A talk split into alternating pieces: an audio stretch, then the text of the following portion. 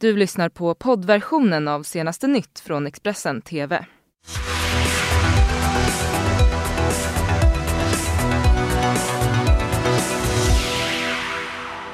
God morgon, varmt välkomna ska ni vara till Expressens morgonsändning. Det här är våra rubriker. Känd kriminell körde in bil i idrottshall i Märsta, kan ha haft eh, terrormotiv. Och ny misstänkt eh, pekas ut i Maddy-fallet. Och Donald Trump eh, vägrar att delta i de nya riksrättsförhören. Men vi inleder eh, i Stockholm. Föraren som körde in en bil i Vikingahallen i Märsta är nu gripen misstänkt för mordförsök. Kraschen som inträffade mitt under en pågående handbollsmatch i ungdoms-SM utreds nu också som ett möjligt terrormotiv. Det här enligt uppgifter till Aftonbladet. Cecilia Anderberg berättar här mer.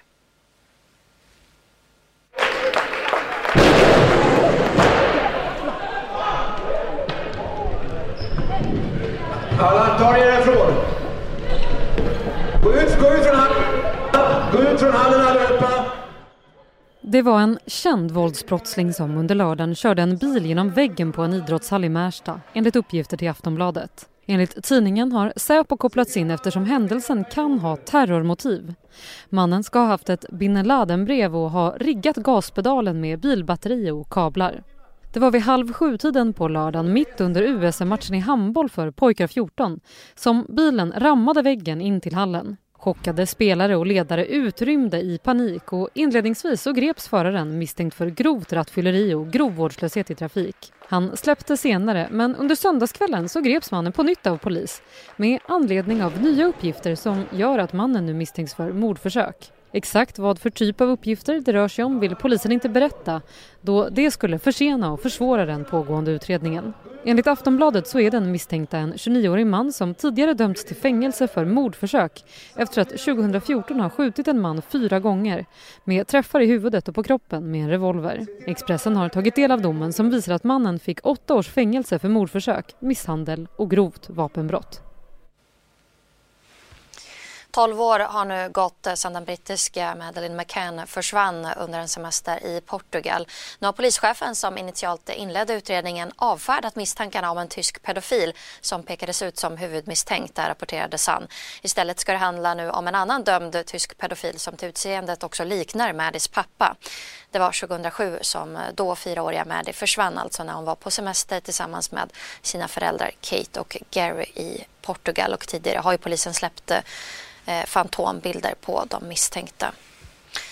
Mer om det här kan man läsa på vår sajt. Vi går vidare. Polisens gruppchef eh, som rotar i lådan för beslagtaget gods. Eh, interna meddelande där poliser berättar om hur de stjäl beslagtagna elverktyg.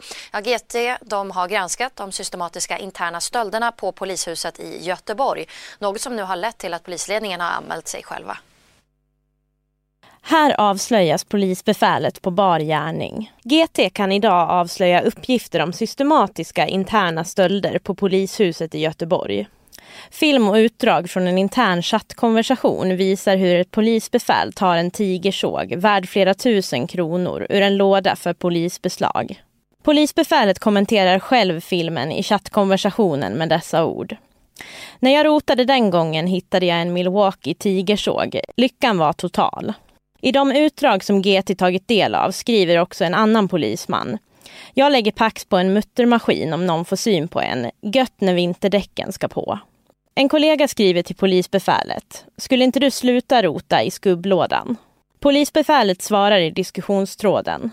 Nej, det kommer jag aldrig. Enligt flera källor är stölderna ur beslagslådan som gäller föremål som tagits i samband med misstänkta brott systematiska och gäller flera personer som arbetar i Citypolisens högkvarter i Göteborg.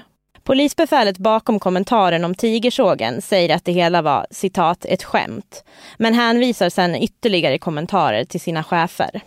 Chef över Citypolisen när kommentarerna gjordes var Anders Börjesson som numera är högt upp i hierarkin som biträdande chef för polisområdet Storgöteborg.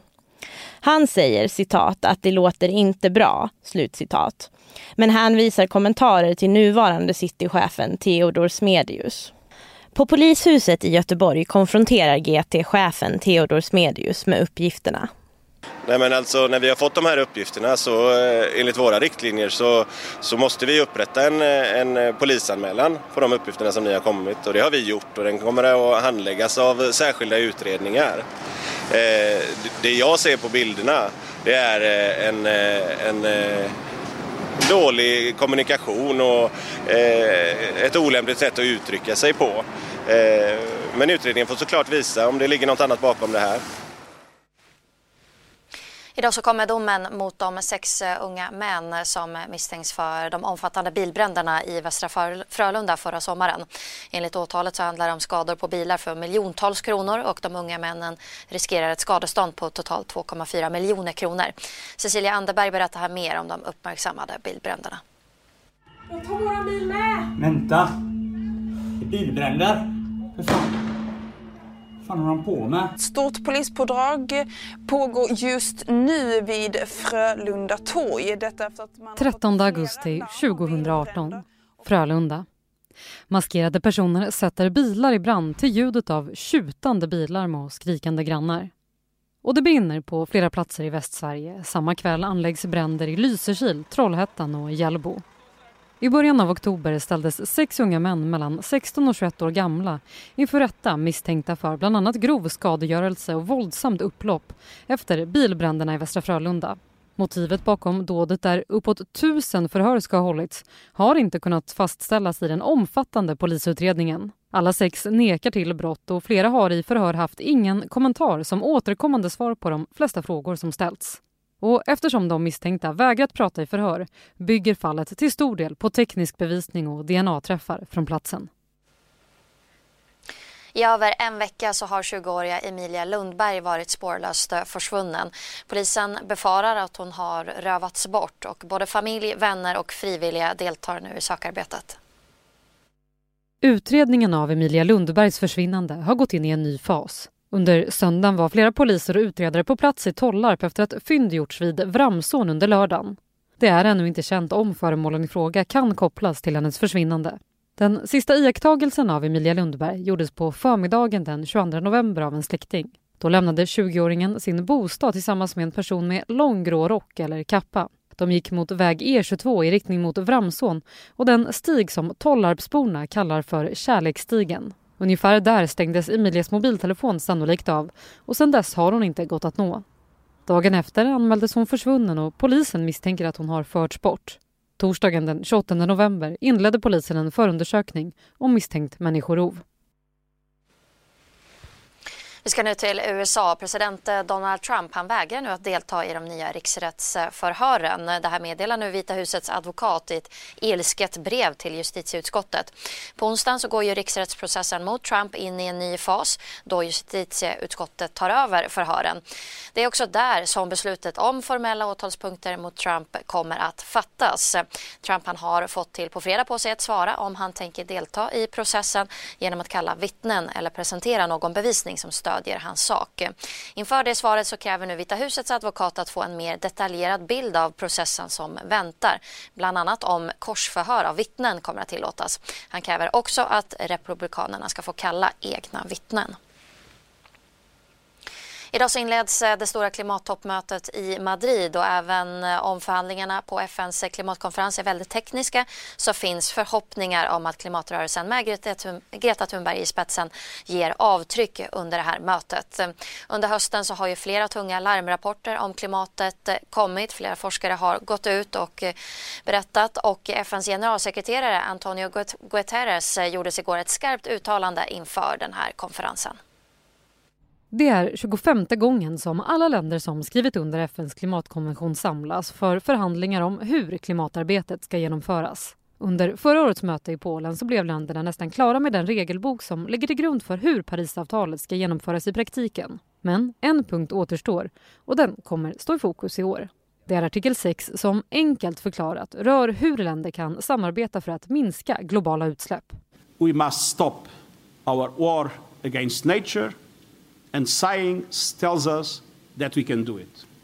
Enligt generalsekreteraren så finns den vetenskapliga kunskapen och teknologin idag för att begränsa global uppvärmning. Men han menar att den politiska viljan saknas. We are confronted now with a global climate crisis. And the point of no return is no longer over the horizon. It is in sight and hurtling towards us. Under hösten så har flera tunga larmrapporter kommit. Halten av växthusgasen i atmosfären nådde rekordhöga nivåer förra året. Världens länder planerar att producera mer än dubbelt så mycket fossila bränslen än vad som krävs för att begränsa temperaturökningen till 1,5 grad. Och så närmar vi oss flera oåterkalleliga tröskeleffekter, så kallade tipping points. Det innebär att framtida generationer riskerar att drabbas av högre temperaturer, vattenbrist och stigande havsnivåer. Samtidigt visar färska siffror från opinionsinstitutet Novus att svenska väljare inte anser att politiker tar klimathotet på tillräckligt stort allvar, rapporterar SVT. 62 procent av de tillfrågade tycker att politikerna inte agerar som om klimatfrågan är akut, vilket 68 procent anser att klimathotet är. Men skillnaderna är stora sett till partilojalitet. Bland människor som röstar på Miljöpartiet och Vänsterpartiet så är 95 procent övertygade om att klimathotet är akut medan 12 procent av Sverigedemokraternas väljare inte tror på klimatförändringar. Det ska nu handla om terrorattacken i London. 34-åriga Nassam Hussein har nu gripits misstänkt för förberedelse till terrordåd i Storbritannien. Han är nu en av 74 dömda terrorister som den brittiska polisen har undersökt efter fredagens terrordåd i London, där rapporterar The Telegraph. Enligt eh, The Telegraph så ska Nassam Hussein ha känt eh, 28-åriga Usman Khan som utförde dådet på London Bridge i fredags. Polisens presstalesperson säger till tidningen att det finns inga uppgifter som tyder på att den gripna mannen var involverad i dådet eh, på London Bridge. Eh, det fanns ingen omedelbar fara för allmänheten. Beskedet om det här gripandet bekräftades eh, även av premiärministern Boris Johnson. I en intervju med BBC så lovade han en nära kontroll av de terrordömda individerna. Två personer dog och ytterligare tolv skadades i fredagens attack i Fishmonger Hall och på London Bridge. Usman Khan som utförde attacken har tidigare tidigare dömts för terrorbrott och han sköts ihjäl av polisen på just London Bridge. Vi går vidare. Vi ska hem hit till Sverige. Det ska handla om arbetsmarknadsministern som igår eh, hota, eller som hördes, frågades ut i SVTs Agenda. Men hon kunde inte ge svar på eh, hur Arbetsförmedlingen ska om det ska privatiseras eller inte. Något som ledde till att programledaren Anna Hedemo tröttnade. Jag vill vara tydlig med att det vi gör nu det är att vi inleder en reform. Men ja eller nej? Vi ska inte göra någon privatisering av hela statliga arbetsmarknadspolitiken. Det är vi överens fast, fast om. Den här frågan är det jättemånga som vill ha svar på. Mm. Kommer den här eh, planen på att privatisera stora Arbetsförmedlingen, reformen i januariöverenskommelsen, kommer den att verkställas?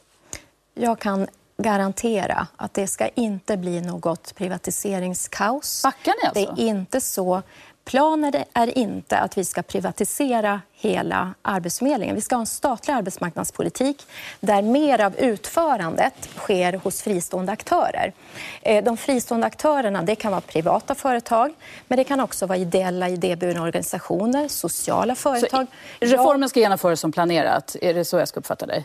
Det är så att vi jobbar just nu Men snälla, med... kan du inte säga ja eller nej på det? Kommer reformen genomföras som planerat?